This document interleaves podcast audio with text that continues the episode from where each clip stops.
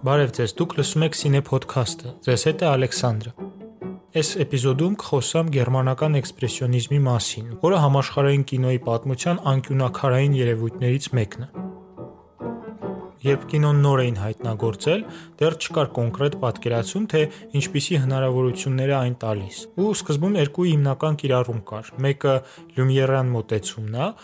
երբ կինոն որպես դոկումենտ, որպես շարժվող լուսանկար կամ քրոնիկա է հանդես գալիս։ Մյուսն էլ Ժակ Մելիեսի մոտեցումը, երբ կինոն ժամանցային մի բան դարձավ, ինչ որ ատրակցիոն, որտեղ գլխավոր նպատակը հանդիսատեսին զարմացնելն էր։ Այսինքն կրկեսային ներկայացումների, ֆոկուսների նման մի բան։ Կային իհարկե ֆիլմեր, որոնք դուրս էին գալիս այդ սահմաններից, ասենք Դեվիդ Վորկ Գրիֆիթի ֆիլմերը, Ազգի ծնունդը կամ Անհանդուրժողականությունը, բայց կինոյի մասին, որպես մի լրիվ նոր առանձին արվեստի երևի հենց գերմանական էքսպրեսիոնիզմից սկսած կարելի է խոսել։ Առաջին հերթին Բժիշկ Կալիգարիի աշխատասենյակը ֆիլմից,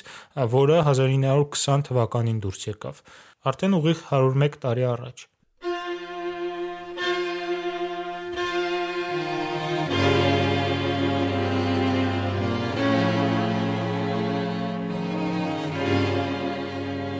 Ընդհանրապես պետք է հասկանալ, որ էքսպրեսիոնիզմը շատ լայն հասկացություն է ու 20-րդ դարի սկզբին տարբեր արվեստներում արտահայտվել. Եւ գրականությունում, օրինակ Գուստավ Մայրենկի գրքերում, եւ երաժշտությունում, Արնոլդ Շյոնբերգի ստեղծագործություններում եւ իհարկե կերպարվեստում։ Ստեղ շատ-շատ նկարիչներ կարելի է նշել, որոնք տենց թենենց կապ են ունեցել այս շարժման հետ։ Ու առաջին էքսպրեսիոնիստ կամ ուղղության նախահայր կարելի է անվանել Վինսենտ Վան Գոգին։ Իսկ ամենահայտնի գործը, ընդհանրապես էքսպրեսիոնիզմի խորհրդանիշը, մանիֆեստը, դա Էդվարդ Մունքի Ճիչը նկարների շարքն է որը այսօր ընկալվում է ոչ միայն որպես արվեստի գործ, այլ արդեն դարձել է massայական մշակույթի, փոփ մշակույթի ամենաճանաչելի արտեֆակտներից մեկը։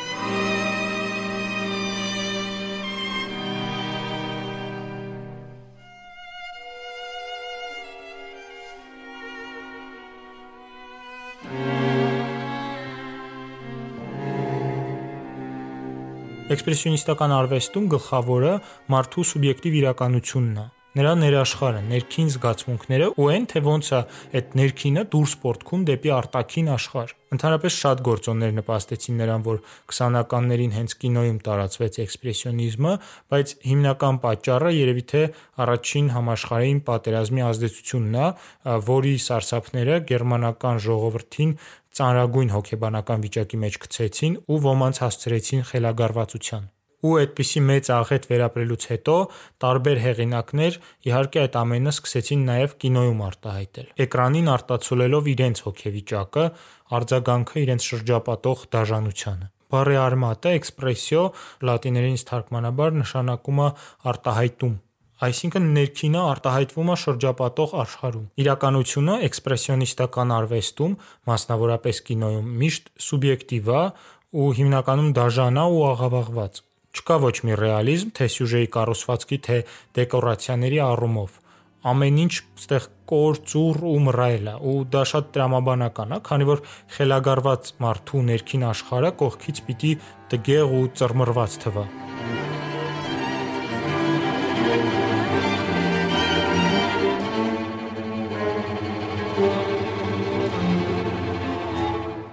Ընդհանրապես առաջին ֆիլմը, որտեղ սենց թենենց էքսպրեսիոնիստական տարեր կային, եղել է Պաուլ Վեգեների 1913 թվականին նկարված Պրահայի ուսանողը բայց ընդամենը մի տարի անց սկսվեց առաջին համաշխարհային պատերազմը, որը իհարկե ազդեց այս ֆիլմի տարածման վրա, ու ստացվում է, որ դրա ազդեցությունը թե հորոր ժանրի, թե ընդհանրապես կինոյի զարգացման վրա նույնիսկ կարելի ասել, որ թերագնահատված է։ Այսօր քչերը կասեն, որ ազդվել են այս ֆիլմից ու ընդհանրապես շատ քչերն են այն տեսել։ Բայց պետք է հասկանալ, որ Պրահայի ուսանողից շատ բան վերցրեցին 20-ականների գերմանական ֆիլմերը, որոնց նշանակությունը ոչ ոք կասկածի տակ չի դնում իհարկե, ու որոնց մինչև հիմա էլ շատ հաճախ են հղումներ անում։ Այսինքն այս ֆիլմը Պրահայի ուսանողը միևնույնն է իր ազդեցությունը թողնում է անգամ ժամանակակից հորորի վրա, թեկուզ անուղակիորեն։ Ստեղ արդեն կարելի էր տեսնել որոշ բաներ, որոնք հետո դարձան էքսպրեսիոնիզմին բնորոշ կարևոր էլեմենտներ։ Օրինակ Մռայլ քաղաքի պատկերները, կարծես հերոսին հետապնդող ճակատագրի գաղափարը կամ երկակի նմանակ կերպարները, որոնց հետո տեսնում ենք Կալիգարի աշխատասենյակում, Մետրոպոլիսում ու Մաբուզեի եռապատման մեջ։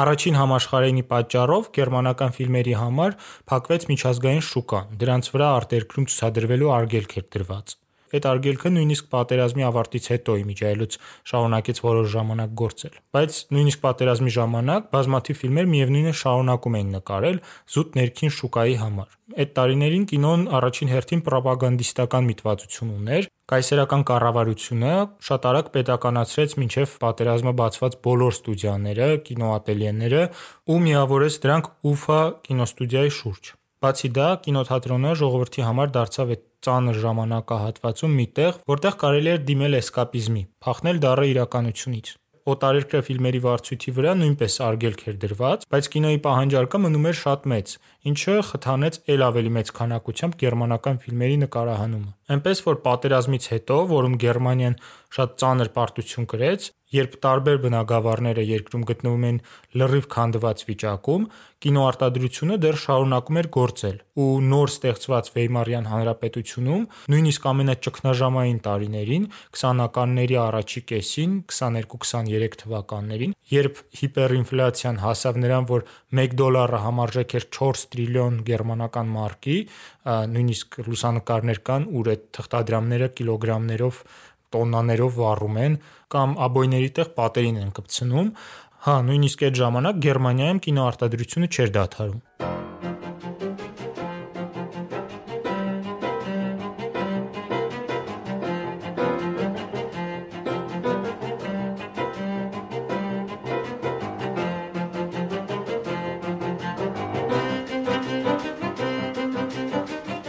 Ես ասացի ռոպագանդայի ու էսկապիզմի մասին, բայց հետաքրքիրը այն է, որ հետպատերազմյան գլխավոր ֆիլմը Բժիշկ Կալիգարիի աշխատասենյակը ընդհանրապես զուրկ էր այդ երկու կոմպոնենտից ու չնայած միստիկական կամ ֆանտաստիկ սյուժեին, այն որոշ առումով անգամ սթափեցնող էֆեկտ կարա թողնի։ Ու իհարկե ենթատեքստում նկատվում է ստեղ պետական կարգերի միլիտարիզմի քննադատություն։ Ըստ սյուժեի մի պայմանական քաղաքաժամանում խորհրդավոր բժիշկ Կալիգարին, որը օգտագործում է կարելի ասել իր ստրկության մեջ գտնվող լուսնոտ Չեզարին, նրան ստիպելով տարբեր հանցագործությունների գնալ։ Համարյա միշտ այս սյուժեն մեկնաբանվում է որպես հակաիշխանական ու պացիֆիստական։ Համարվում է, որ սցենարի հեղինակները Հանս Յանովիցը ու Կարլ Մայերը այսպիսի միստիկական սյուժեի քողի տակ փորձում էին փոխանցել իրենց վերաբերմունքը պետական հիերարխիկ մեխանիզմներին երբ վերևում նստած որոշողները պատերազմի էին ուղարկում սովորական մարդկանց, սովորական զինվորներին։ Հանս Յանովիցը շատ բան վերցրել էր իր փորձառությունից, ինքը մասնակցել էր առաջին համաշխարհայինին ու իր աչքով էր տեսել պատերազմի սարսափելի դաժանությունը։ Ու վերաիմաստավորելով իր հետ պատահածը, այդ ամենը փոխաբերության միջոցով արտացոլեց սցենարում։ Իսկ Մայերը, երկրորդ սցենարիստը, որոշեց իշխանության սիմվոլ սարքել հոգեբուժարանի բժշկին, ինչն արդեն իր փորձից էր գալիս, նա պատերազմի տարիները անցկացրեց հոգեբուժարանում, ուր իհարկե նույնպես սարսափելի կարգեր էին տիրում։ Իրականում այս ամենը ստեղծման հետ կապված վարկածներից մեկն է ընդամենը ու շատ հավանական է նույնիսկ, որ երբ օրինակ Յանինգսը տարիներ անց պատմում էր, թե ինչ իմաստ էր մտցնում սցենարի մեջ, նա ինքը ուրիշների նման մեկնաբանությունից տպավորության տակ էր ասում որտեվ ի սկզբանե ոչ նա, ոչ Մայերը չէին նշում որևէ հակամիլիտարիստական, հակաիմպերիալիստական կամ պացիֆիստական մեսիջի մասին։ Ու այս ֆիլմի ստեղծման պատմությունը մի առանձին դետեկտիվային սյուժե կամ համարյա անլուծելի է իրանից ներկայացնում։ Եթե կարդաս ինտերվյուները, մեմուարները կամ գրքերը այս ֆիլմի մասին, ստացվում է, որ հեղինակներից յուրաքանչյուրը, սցենարիստները, պրոդյուսերները, դեկորատորները,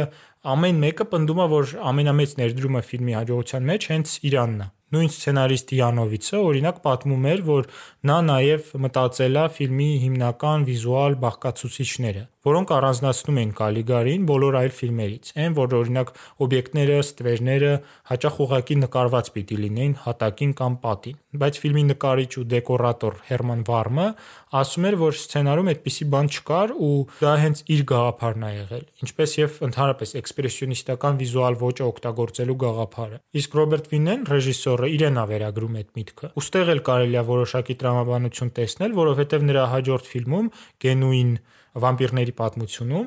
դեկորացիաները ու էսթետիկան լրիվ համապատասխանում են Կալիգարի վիզուալ ոճին։ Ճիշտ է, ընդհանուր առմամբ այդ ֆիլմը բավականին անհաջող է ստացվել։ Ռոբերտ Վինեի ներդրումը հաճախ է թերագնահատվում իմիջայլոց։ Մենք հիմա սովորենք, որ ֆիլմի հեղինակը հենց ռեժիսորն է, բայց երբ Կալիգարին նոր էր դուրս եկել, Տրյուֆոյի, Գոդարի կամ մյուս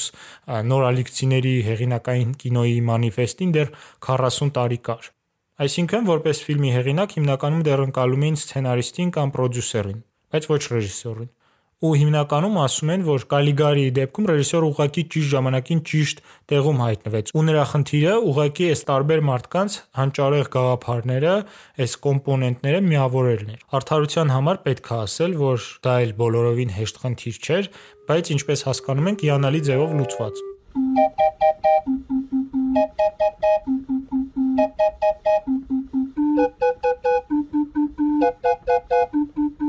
Ֆիլմը ի սկզբանե պիտի Ֆրից Լանգը նկարեր։ Գերմանական կինոյի պատմության գլխավոր ռեժիսորներից մեկը, ճիշտ է, այն ժամանակ նրա գլխավոր ֆիլմերը՝ Նիբելունգները, Մաբուզեի Երապատումը, Մետրոպոլիսը դեռ արխիվում էին։ Բայց Լանգը ուրիշ ֆիլմ պիտի նկարեր ու չէր հասցնում ուղակի, եւ միայն այդ ժամանակ առաջ եկավ Վինեի տեխնացությունը։ Բայց միևնույնն է, Լանգն էլ իր ներդրումը ունեցավ ֆիլմում, ու ինչպես ասում են, լեգենդար դարձած սյուժետային թվիստը հենց ինքն է հորինել։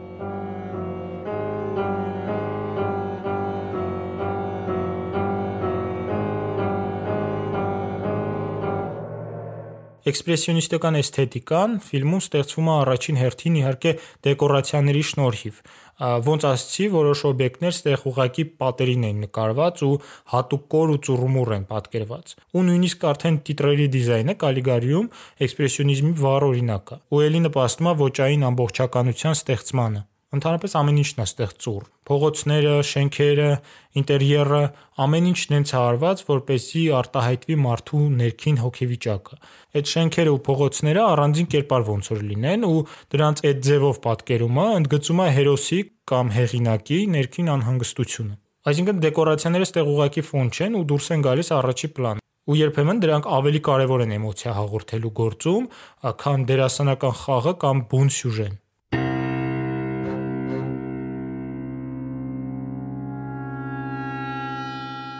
Եվս մի բան, որ ընդունված է վերագրել ֆիլմին, դա նացիզմի կանխագուշակումն է։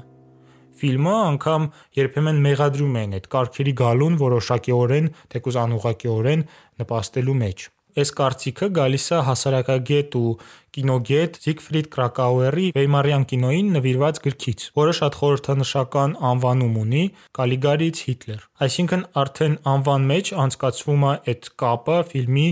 ու նացիզմի միջև։ Հիմնական գաղափարը նա է, որ Կալիգարի ու Չեզարեի կերպարների մեջ կարելի է տեսնել Հիտլերին ու գերմանական ժողովուրդը։ Հասարակությունը նույնպես շատ հեշտ է մանիպուլյացիաների ենթարկվում, ու ամբողջ գերմանական ժողովուրդը լուսնոտ Չեզարեի նման, տենց կախարդված, հիպնոզացված գնաց Հիտլերի հետևից, ինչը բերեց պատմության մեծագույն աղետի։ Բայց իհարկե պետք է հասկանալ, որ Կրակաուերը իր գիրքը գրել էր միանգամից երկրորդ համաշխարհայինից հետո 47 թվականին այն լույս տեսավ։ Ու դա բացատրում է թե ինչի է նա հենց այդ օպտիկայով ուսումնասիրում Կալիգարին ու դրա ազդեցությունը։